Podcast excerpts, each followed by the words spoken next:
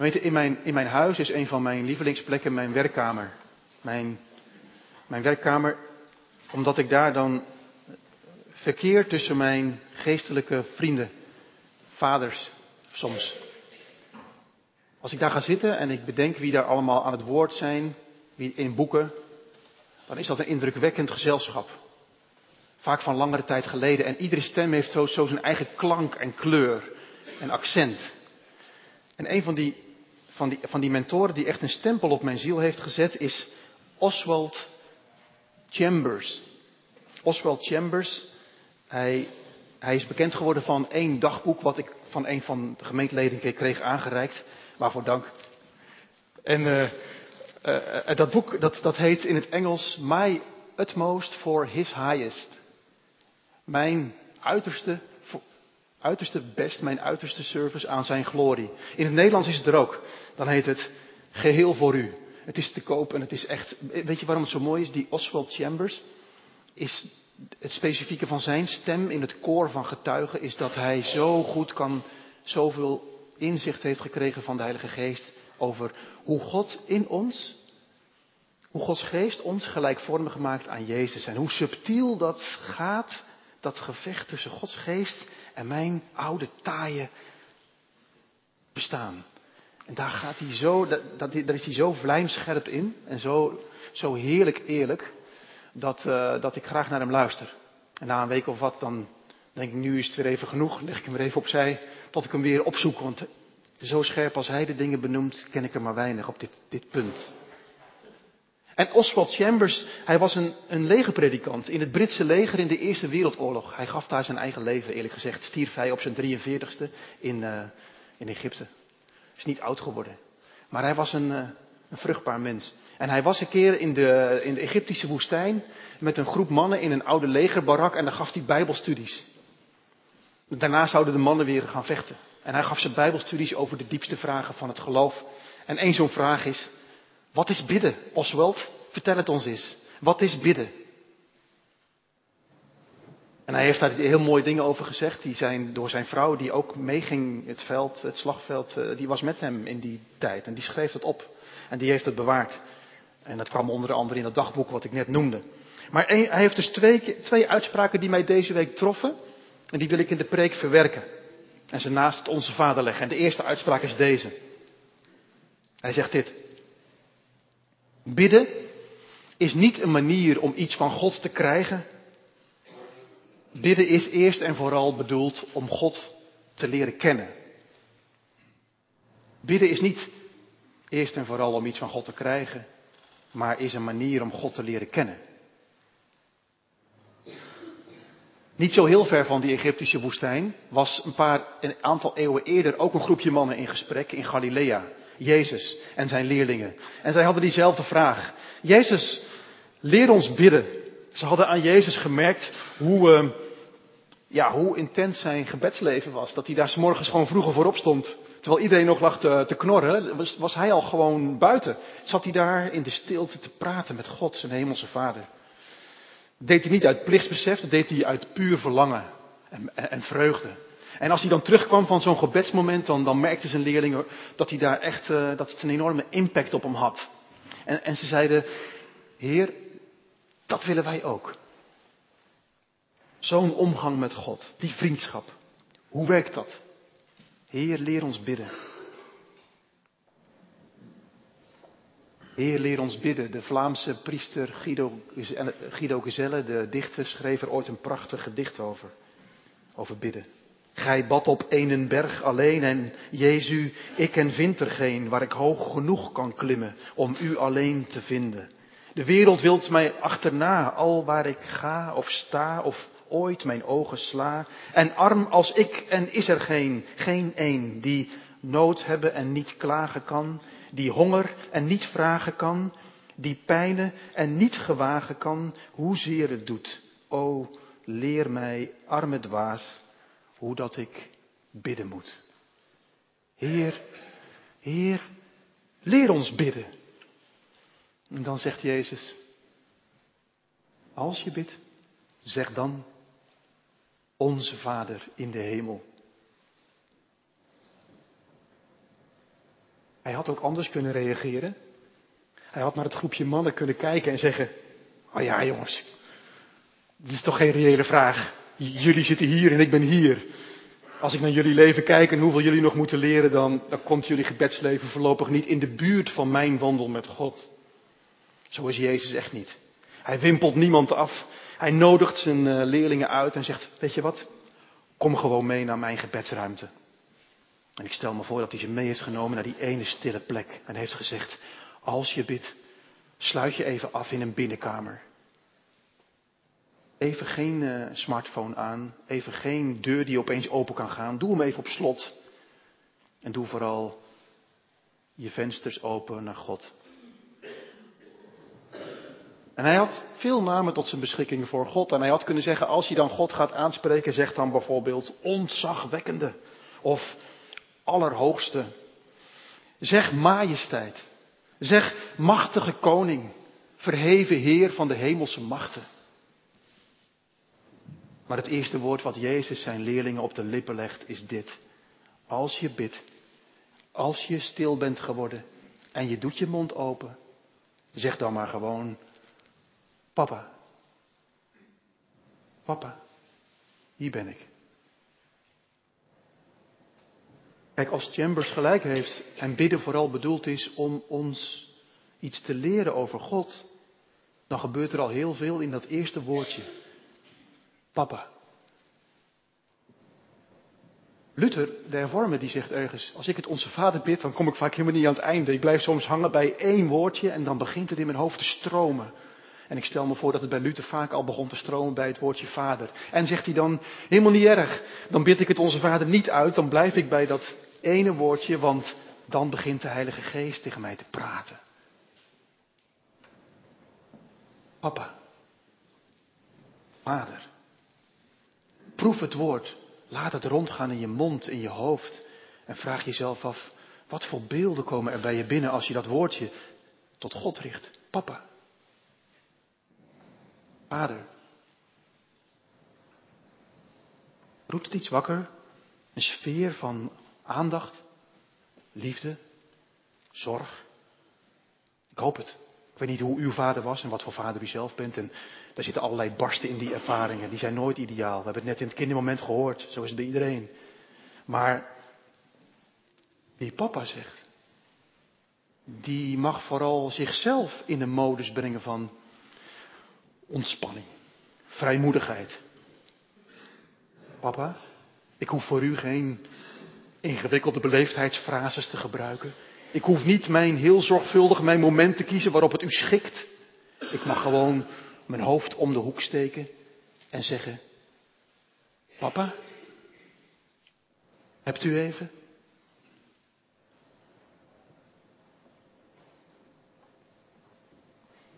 En als ik, als ik hem zo noem, gaat er in Gods hart iets resoneren, iets trillen. Zal hij zeggen: Mijn zoon, mijn dochter, ben je er weer? Ben je er weer? Wat is er? Wat, wat fijn dat ik je stem weer hoor. Wat fijn dat we even quality time hebben samen. Zo is God, zegt Jezus. Als je bidt, zeg dan papa, vader. Oei. Als ik eerlijk ben, begint me, als ik eerlijk ben, begint mijn gebed meestal met ik.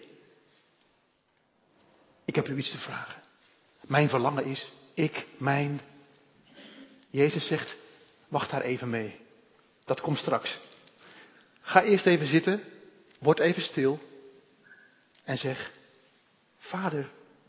En richt je daarmee op God, wie Hij is. En ga daar eerst eens even van genieten. Nee, nee, nee, ga niet meteen je, je waslijsten aan vragen stellen. Zeg nu eerst eens even vader. En word stil.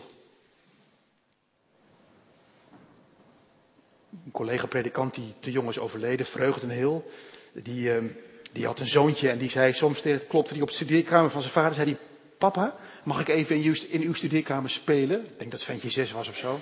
Zei zijn vader, ja maar, maar waarom? Ik ben aan het werk, ik ben gefocust bezig.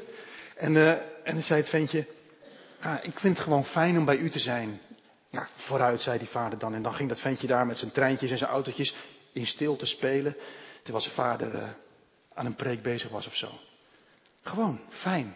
Met papa in één ruimte. Naar hem kijken. Dat is mijn vader. Noem hem mijn vader. En, zegt Jezus, vul het dan niet te snel in. Zeg, zeg Vader in de hemel.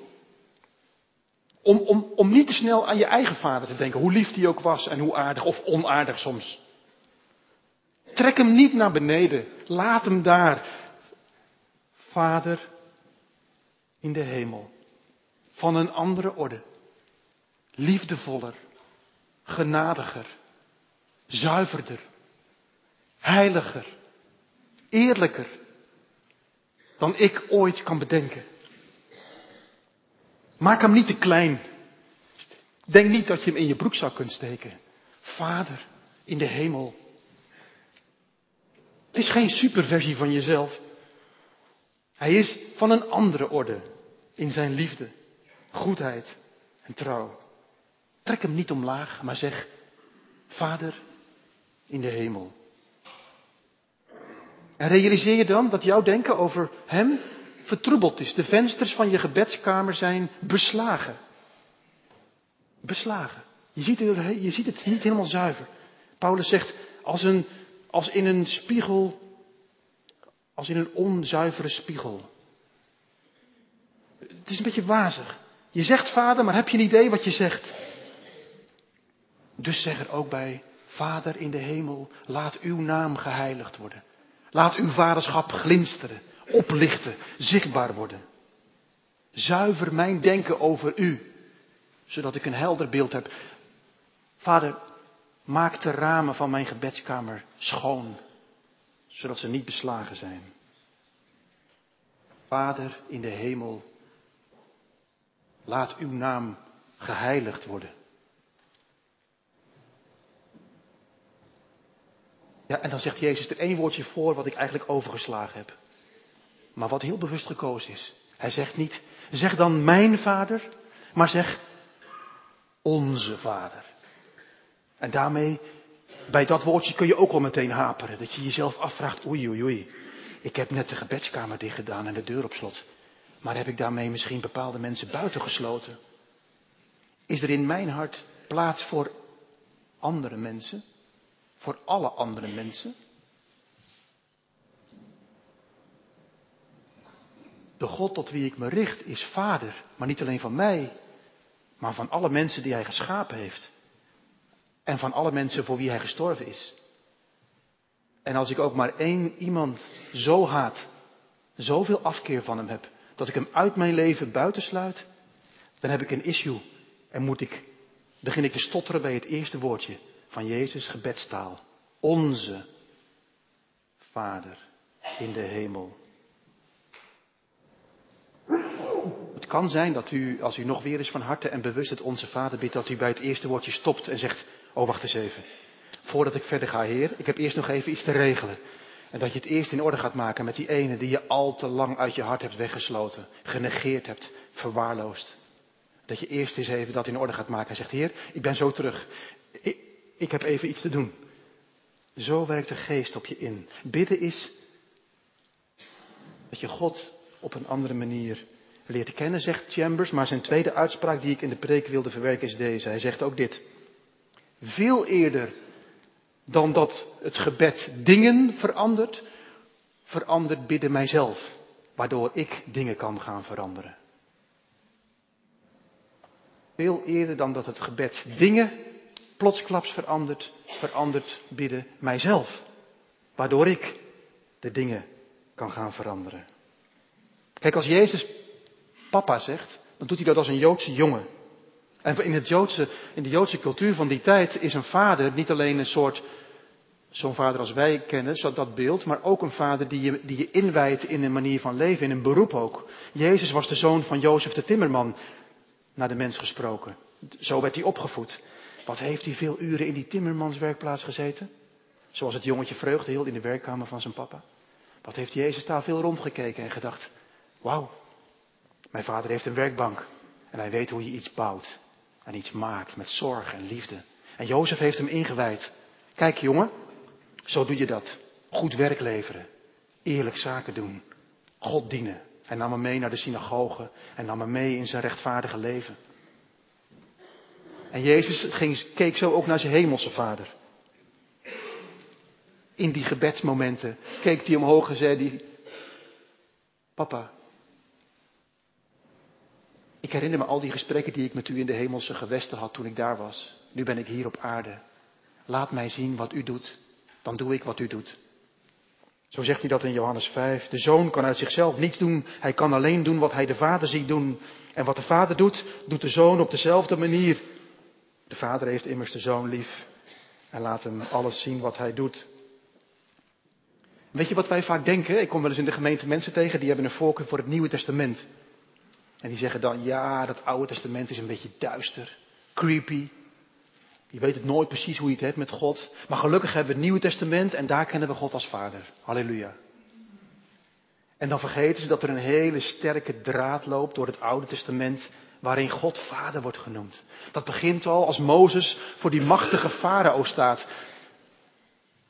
Mozes de schaapherder, die zegt dan tegen die machtige farao dit. Dit zegt de Heer, Israël is mijn zoon, mijn eerstgeborene. Daarom zeg ik u, laat mijn zoon gaan, opdat hij mij dienen. Kijk, daar staat een man, die heeft zijn de geest van het kindschap gekregen. En met een rechte rug staat hij tegenover de machthebbers van de wereld. En zegt hij, wij zijn geen slaven. Wij zijn kinderen van een hemelse vader. Laat ons gaan, zegt onze vader. Later belandt het hele volk in, opnieuw in zo'n soort slavenbestaan in, in Babel. En dan, dan klinken daar kreten, met name in het boekje Zaja, kreten uit zo'n slaafsbestaan waar je helemaal gek van wordt en doodongelukkig. Heer, u bent toch onze vader? En Jezaja mag op zijn beurt namens God zeggen, jullie zullen mijn volk zijn en ik zal jullie God zijn. En hij herinnert hen aan zijn verbond met David. Over wie hij ooit had gezegd, ik zal voor hem een vader zijn en hij voor mij een zoon. Kijk, dus als Jezus zegt, hè, als Jezus zijn leerlingen meeneemt naar zijn gebedsplaats en zegt, zeg maar vader. Weet je wat hij dan doet? Dan plaatst hij al die mannen vandaar in een lange traditie. En in zijn hele revolutionaire zin. Hij zegt tegen ze, verwacht maar een nieuwe exodus. Verwacht maar een nieuwe bevrijding als je deze woorden op je lippen neemt en weet wat je bidt. Onze Vader, die in de hemel woont, uw naam worden geheiligd. U zult opstaan tegen de onderdrukkers in mij en om mij heen. Zo zendt de Vader zijn Zoon in deze wereld. En, en nu komt het, zo zendt de Zoon u, jou en mij, in uw en mijn leven. Zoals de Vader mij zond, zend ik jullie, zegt Jezus. Om die geest van slavernij, van onrust, van stress, van niet vrij zijn, genadig te verdrijven. En, het, en de geest van het kindschap je eigen te maken. Dat te gaan leven. Zo'n vader zijn, zo'n grootvader. Zo'n man, zo'n vrouw. Weet wat je bidt, beste vrienden. Als je deze eerste woorden bidt, misschien ga je ze wel op een hele manier bidden. Weet wat je bidt. Als je dit zegt. Onze Vader. In de hemel. Laat uw naam geheiligd worden. Ook in mijn leven. Ja, ook in mijn huwelijk. In mijn vriendschappen. Laat me dat me toe-eigenen in een sfeer van ontspanning en vertrouwen aan uw voeten. Vanuit de stilte. En laat me dan de moed hebben en het lef om op te staan. En waar ik die geest van slavernij tegenkom, om te verdrijven. Want wij zijn van God. Hij is onze Vader. Hem behoren wij toe. Wij en zij alle daarbuiten. Velen weten het nog niet. Gaan ze het aan u merken? Gaan ze het aan mij zien? Amen.